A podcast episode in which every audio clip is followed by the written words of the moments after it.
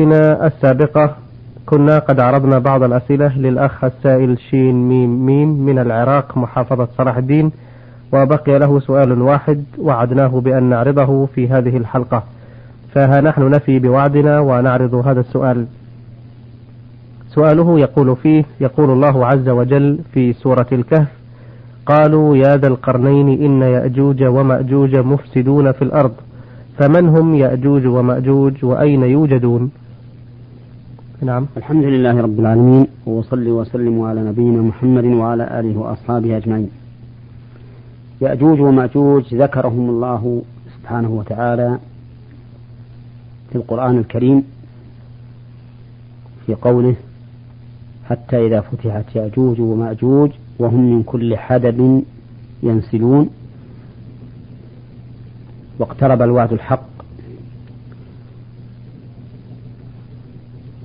وفي قوله تعالى قالوا يا ذا القرنين إن يأجوج ومأجوج مفسدون في الأرض فهل نجعل لك خرجا على أن تجعل بيننا وبينهم سدا؟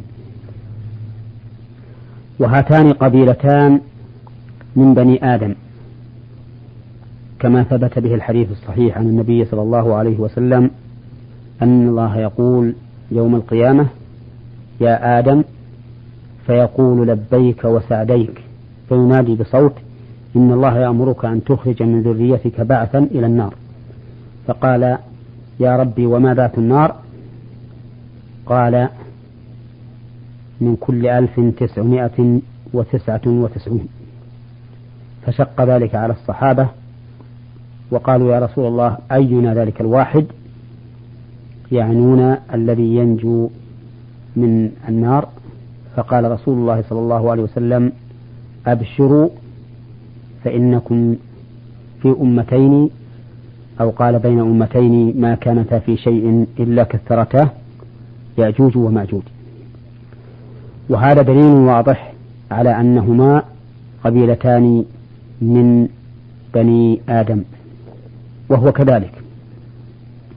وهم موجودون الآن وظاهر الآية الكريمة أنهم في شرق آسيا لأن الله قال حتى إذا بلغ مطلع الشمس وجدها تطلع على قوم لم نجعل لهم من دونها سترا كذلك وقد أحطنا بما لديه خبرا ثم أتبع سببا حتى إذا بلغ بين السدين وجد من دونهما قوما لا يكادون يفقهون قولا قالوا يا ذا القرنين إن يأجوج ومأجوج مفسدون في الأرض فهل نجعل لك خرجا على أن تجعل بيننا وبينهم سدا؟ فظاهر سياق الآيات الكريمات أنهم كانوا في الشرق. ولكن هؤلاء الأمة أو هؤلاء الأمتان سيكون في آخر الزمان لهم دور كبير في الخروج على الناس لما جاء في حديث النواس بن سمعان الذي رواه مسلم في صحيحه أن الله تعالى يوحي إلى عيسى أني قد أخرجت عبادا لي لا يدان لأحد لقتالهم يأجوج ومأجوج فحرز عبادي إلى الطور. فخروجهم الكبير المنتشر الذي يظهر به فسادهم أكثر مما هم عليه الآن سيكون في آخر الزمان وذلك في وقت نزول عيسى بن مريم عليه الصلاة والسلام. نعم. جزاكم الله خيرا. آه هذه رسالة من السائلة ها ميم من الدمام. تقول في سؤالها في أيامنا هذه شاع استعمال مصائد الحشرات وخاصة الذباب ومن هذه المصائد نوع كهربائي يستعمل في المنازل وفي المحلات التجارية وغيرها وهي عبارة عن نور أزرق يجذب الحشرات إليه يحيط به أسياخ حديدية ناقلة للكهرباء بحيث إذا وقعت عليها الحشرات قتل قتلها التيار الكهربائي المار بها. وقد سمعت من بعض الناس من يقول إنه لا يجوز استعمالها لأنه لا يعذب بالنار إلا الله وحده. فهل يدخل هذا في ذلك؟ وما الحكم فيه؟ نعم. نقول إن هذه المصائد لا ينبغي استعمالها إلا إذا دعت الحاجة إلى ذلك. مثل أن يكثر الذباب حتى يؤذي أو يكثر البعوض أو غيرهما من الحشرات المؤذية.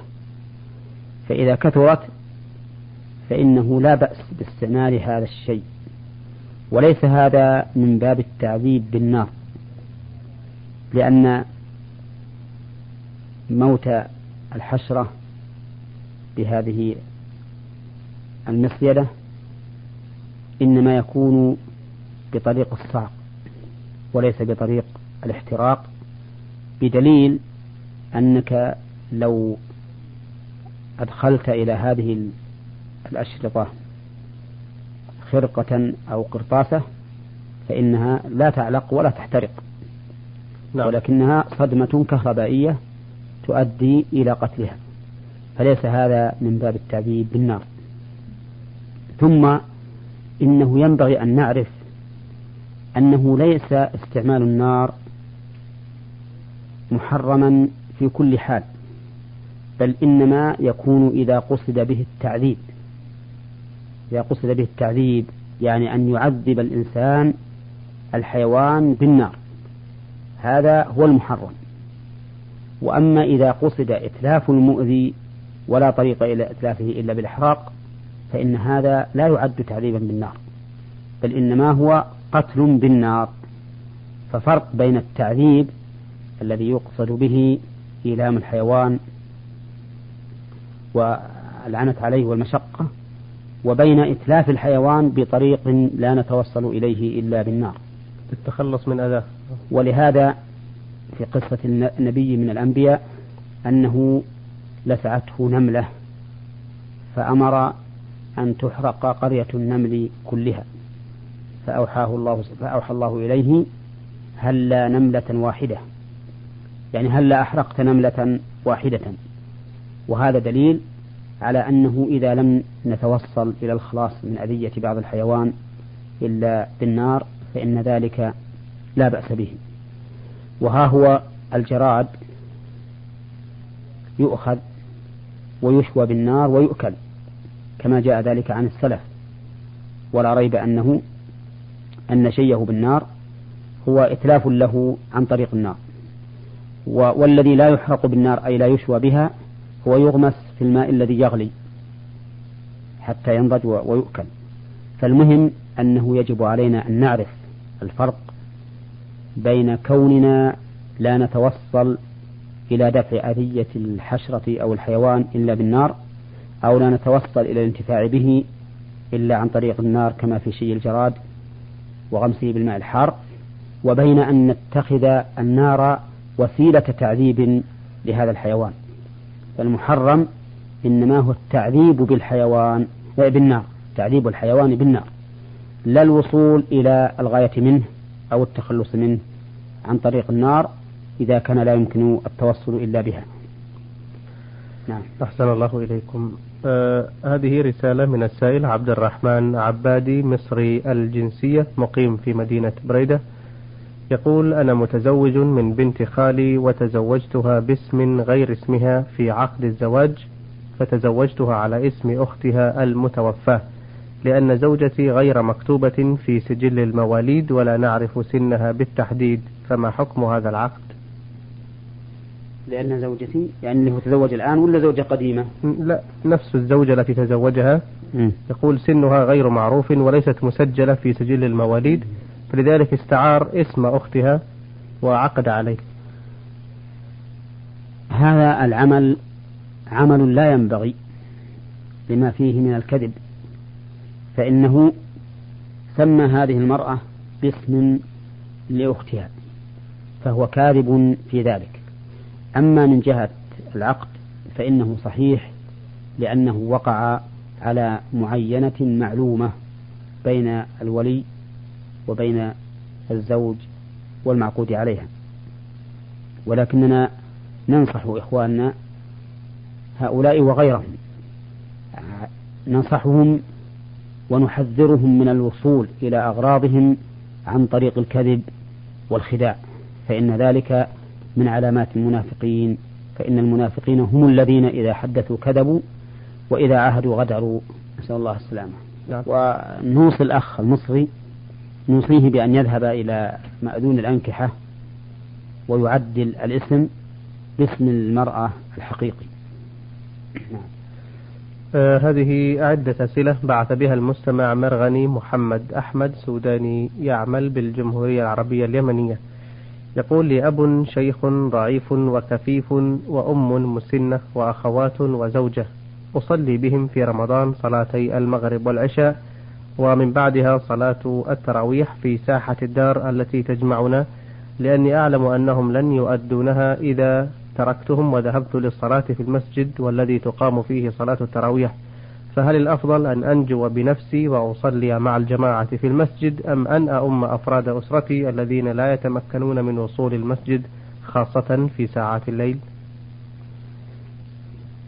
نقول أما صلاة الفريضة وهي صلاة العشاء فيجب عليك أن تصليها في المسجد. ولا يجوز لك ترك الجماعة من أجل مراعاة أهل البيت. وأما التراويح فإن كان هؤلاء يمكنهم الانتظار حتى تصلي التراويح في المسجد ثم ترجع فهو أولى. وإذا كان لا يمكنهم فإن فإنهم إن كان يمكنهم أن يصلوها بأنفسهم فصلاتك في المسجد وهم يصلونها لأنفسهم أولى أيضا. وإذا لم يمكن هذا ولا هذا فإنه لا بأس بل إنه من الأولى أن تذهب إلى أهلك وتصلي بهم صلاة التراويح بما في ذلك من المعونة على البر والتقوى. وإذا كان الله سبحانه وتعالى يعلم من نيتك بل وإذا كان من نيتك أنك لولا هذا العذر لصليت مع المسلمين في المسجد فإننا نرجو أن يكتب الله لك أجر من صلى في المسجد. سؤاله الآخر يقول فيه أعيش في ناحية من نواحي اليمن وسط جماعة يتبعون المذهب الزيدي كما يسمونه ويزعمون بأن المصلي له الخيار في أن يقرأ الفاتحة في الركعة الأخيرة من المغرب أو أن يستبدلها بقوله بسم الله وبالله وسبحان الله والحمد لله ولا إله إلا الله وكذلك يفعل في الركعات الأخيرة من الظهر والعصر والعشاء. ولما كانت القراءة في كل هذه الركعات سرا فلا, فلا أعلم ما إذا كان الإمام يقرأ الفاتحة أو يقرأ هذه الأدعية كما أني وجدت حرجا في أن أسأله في كل حالة عما قرأه في سره.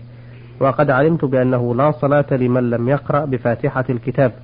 فهل أبني على الظن بأنه قرأ بالفاتحة وأصلي خلفه حتى لا أحرم من أجر الجماعة أو أصلي منفردا أم أن صلاتي خلفه صحيحة سواء قرأ بفاتحة الكتاب أو لم يقرأ بها. نعم. نقول إن صلاتك خلف هذا الرجل الذي لا تدري هل هو يقرأ الفاتحة أو لا يقرأ مع أنك تعلم أن من مذهبهم أنهم يرون أن آخر ركعة من الصلاة لا تجب فيها قراءة الفاتحة. أقول إن صلاتك خلف هؤلاء صحيحة لأن الصلاة خلف من يخالفك في أمر من الفروع صحيحة ولو كان يرتكب ما تراه خطأ فإنه لا إنكار في مسائل الاجتهاد التي لم تخالف نصا صريحا لا يحتمل التأويل. أما إن وجدت شخصا تعرف منه أنه يصلي يقرأ الفاتحة في كل ركعة فإن الأولى أن تصلي معه ولا تصلي مع هذا الذي لا يقرأ الفاتحة في آخر ركعة. وأما ما ذهبوا إليه من أن آخر ركعة يجزئ فيها التسبيح فإنني لا أعلم له أصلا في السنة. والسنة تدل على أنه لا بد من قراءة الفاتحة في كل ركعة. لأن النبي صلى الله عليه وسلم لما علم المسيء في صلاته كيف يصلي قال له وافعل ذلك في صلاتك كلها. ومن بينها قراءة الفاتحة. فإن قراءة الفاتحة كما تجب في الركعة الأولى تجب فيما بعدها من الركعات إلى آخر الصلاة. بقوله صلى الله عليه وسلم وافعل ذلك في صلاتك كلها. وخلاصة الجواب أن صلاتك خلف من يخالفك في أمر من فروع الدين في صلاته لا بأس به. أي لا بأس, لا بأس بأن تصلي خلفه لأن المسلمين ما زالوا على ذلك. نعم. سؤاله الآخر يقول هل يجوز لي أن أقضي حاجتي من مال أخي المسلم دون علمه إذا كنت متيقنا من أنه سيكون راضيا تمام الرضا لو كان موجودا أو علم بذلك فيما بعد؟ الأولى أن تحترم مال إخوانك حتى ولو وثقت. من أنهم راضون بما تتصرف به في أموالهم لأن الأصل في مال المسلم الحرمة. ولكن إذا دعت الحاجة إلى أن تتصرف في ماله وأنت عالم برضاه وواثق منه. مثل لو نزل بك ضيف وعند صديقك غنم تريد أن تأخذ منها شاة لتكرم بها الضيف وأنت واثق من رضا صاحبك فإن هذا لا بأس به لدعاء الحاجة إليه وأما مع عدم الحاجة فالأولى بك الكف عن مال أخيك لأنه مهما كان ولو رضي بذلك فإنه قد يجد في نفسه حرجا مما صنعت مما صنعت. جزاكم الله خير الجزاء. أيها الإخوة الكرام كان ضيف لقائنا اليوم الشيخ محمد بن صالح بن عثيمين المدرس بجامعة الإمام محمد بن سعود الإسلامية بالقصيم وإمام وخطيب المسجد الجامع الكبير بعنيزة. وقد تفضل مشكورا بالإجابة على أسئلة الإخوة شين ميم ميم من العراق محافظة صلاح الدين قضاء تكريت. والأخت السائلة ها ميم من الدمام والسائل عبد الرحمن عبادي مصري الجنسية مقيم ببريدة. وأخيرا على بعض أسئلة الأخ مرغني محمد أحمد سوداني مقيم بالجمهورية العربية اليمنية. وبقي للأخ مرغني سؤالان سوف نستعرضهما إن شاء الله في حلقة قادمة. إلى أن نلقاكم في تلك الحلقة القادمة إن شاء الله نترككم في رعاية الله وحفظه. والسلام عليكم ورحمة الله وبركاته. نور على الدرب. برنامج يومي يجيب فيه أصحاب الفضيلة العلماء على أسئلة المستمعين الدينية والاجتماعية. البرنامج من تقديم وتنفيذ أحمد عبد العزيز الغامدي.